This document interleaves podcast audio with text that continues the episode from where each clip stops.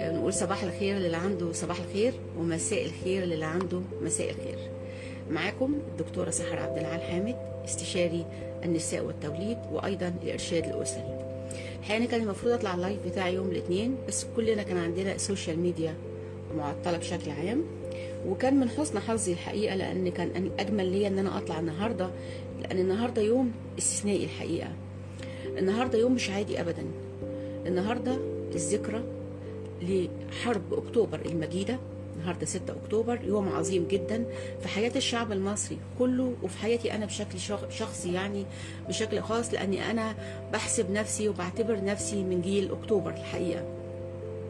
الحقيقة أنا النهارده عايزة أوجه التحية والاحترام لناس كتير. على رأسهم طبعا القائد الأعلى للقوات المسلحة فخامة الرئيس السيسي.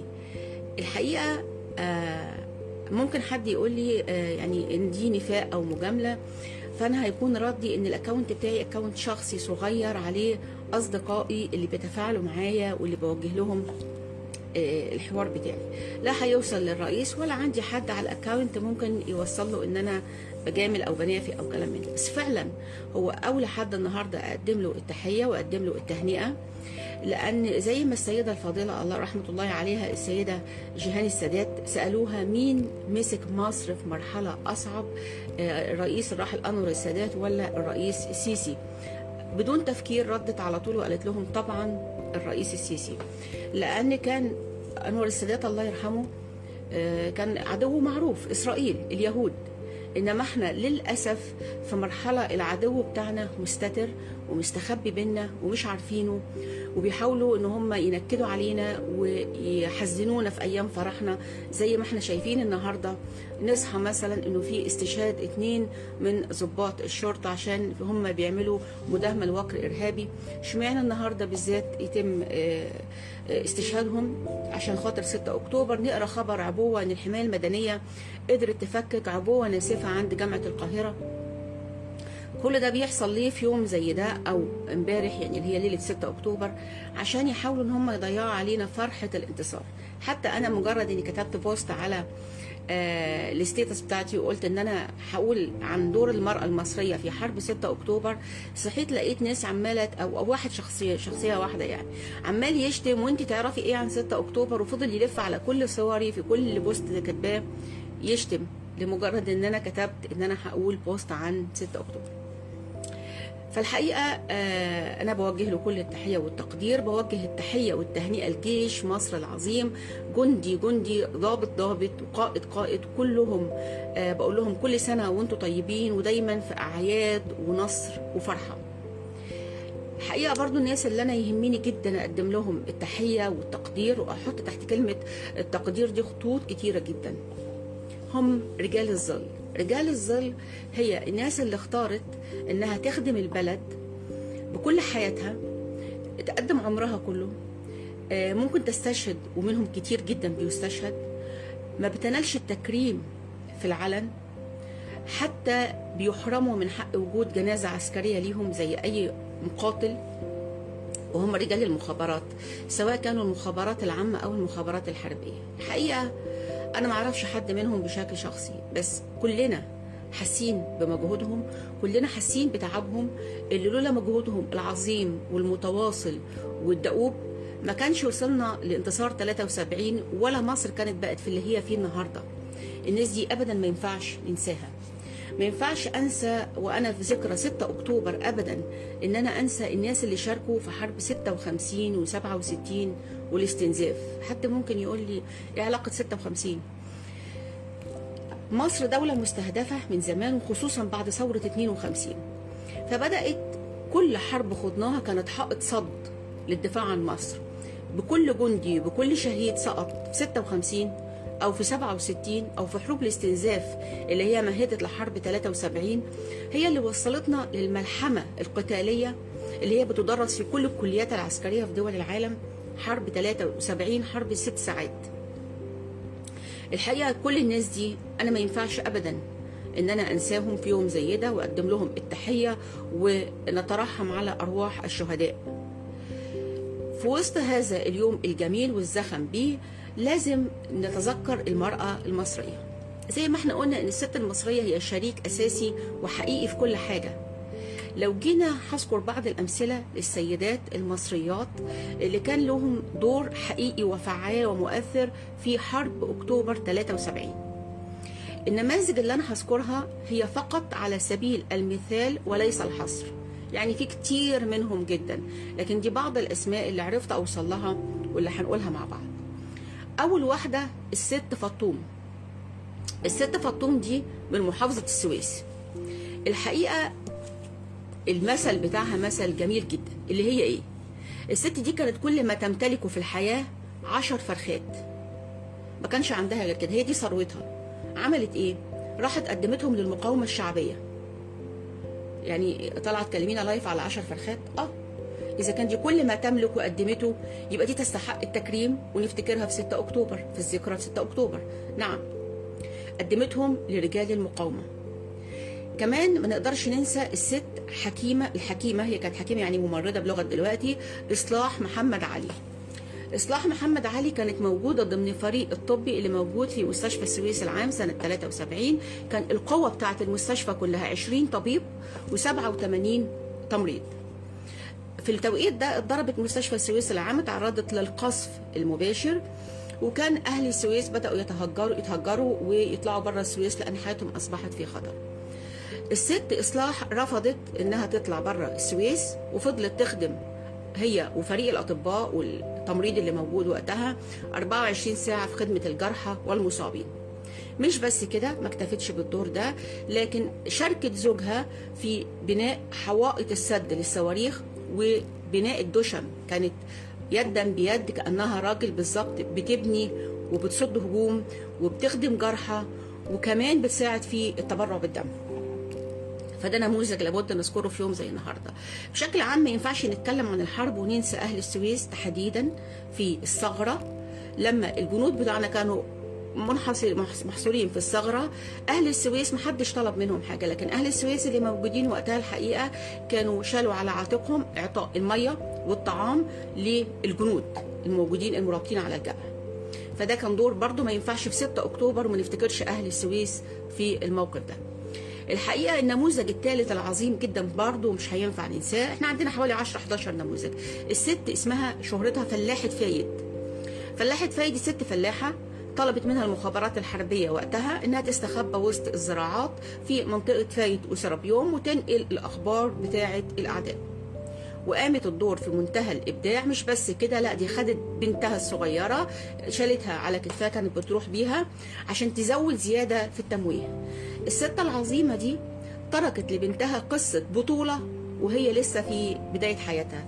سابت لها تاريخ عطر تكبر تقول أنا بنت أمي بطلة كانت ست فلاحة لكن كانت بتخدم الجيش المصري بشكل لا يقل ابدا عن أي جندي واقف على الجبهة بيحارب بسلاحه.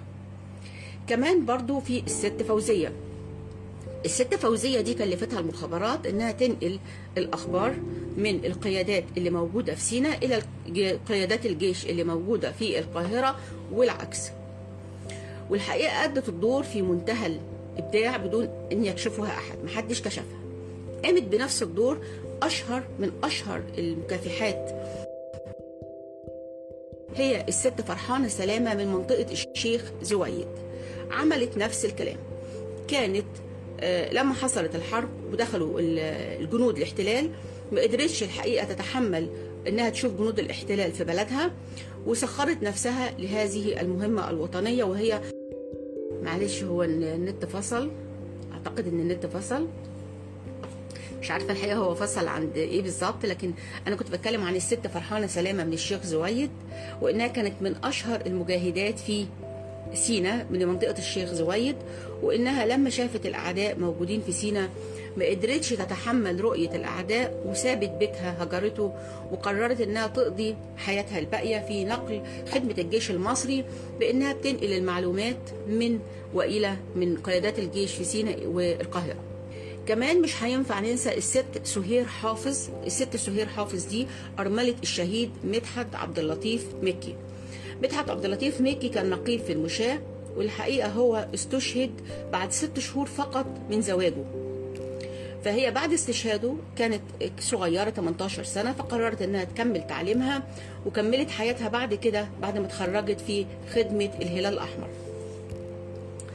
السيدة فهمية دي برضو من أبرز الشخصيات السيناوية المجاهدة اللي كانت بتشتغل برضو تبع تم تجنيدها تبع المخابرات الحربية المصرية عشان ترصد المواقع الإخبارية المواقع بتاعة الجيش الإسرائيلي على الحدود الغربية وحوالين منطقة عد خط بارليف وتعد القوات وتقول نوعية القوات اللي موجودة إيه. كمان نفس الكلام في الست مريم برضو كانت في منطقة سينا ولكنها كانت مجندة لمنطقة وسط سينا. كمان بورسعيد ما بخلتش علينا بالسيدات العظيمات الفضليات. كانت قصة السيدة علية حامد الشاطوري. السيدة علية حامد الشاطوري هي كانت مسؤولة عن تسكين اللاجئين عن توزيع المقاومة والأكل والغذاء ليهم وللاجئين في منطقة بورسعيد وراس البر. كانت مسؤولة لجنة التهجير والإغاثة الحقيقة.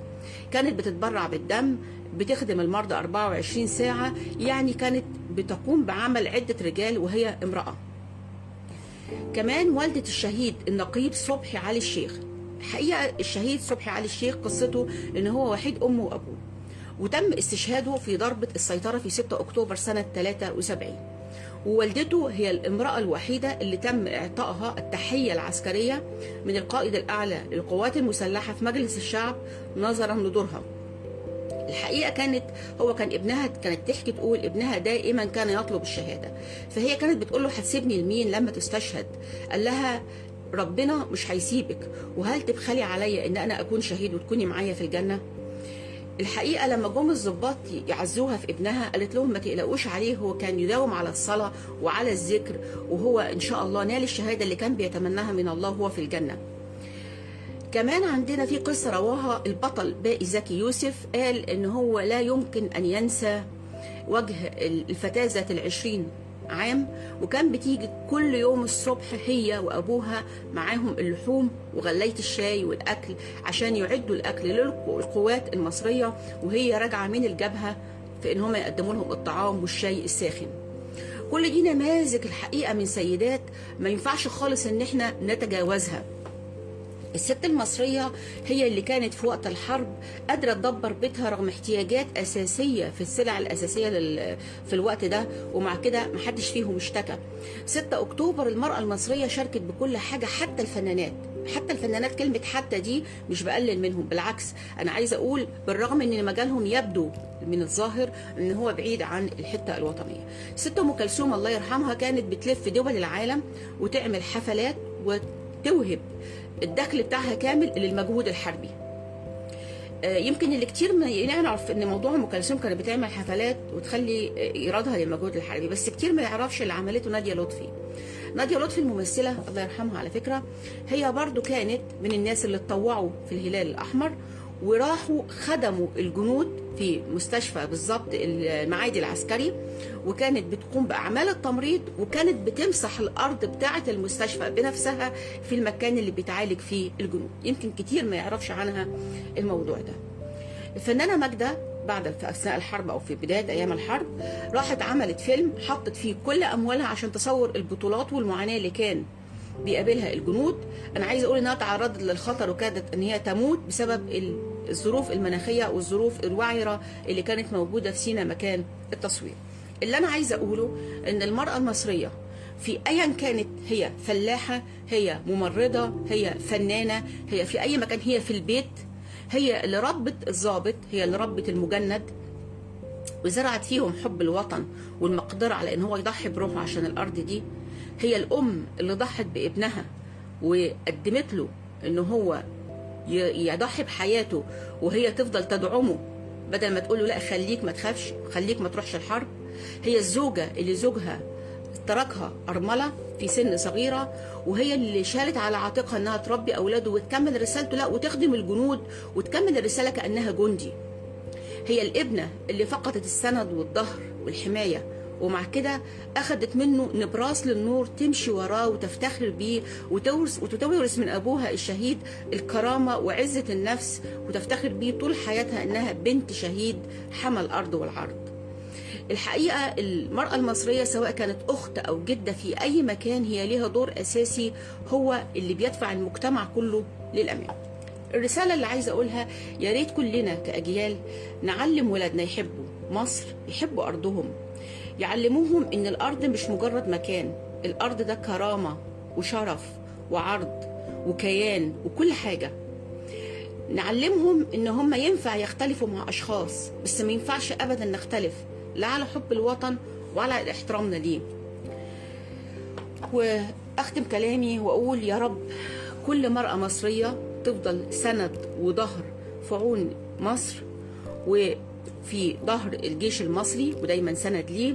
يا رب كل جندي وكل ضابط وكل قائد في الجيش المصري يفضل برضه هو حمايتنا وسندنا وكل سنة وهم كلهم طيبين.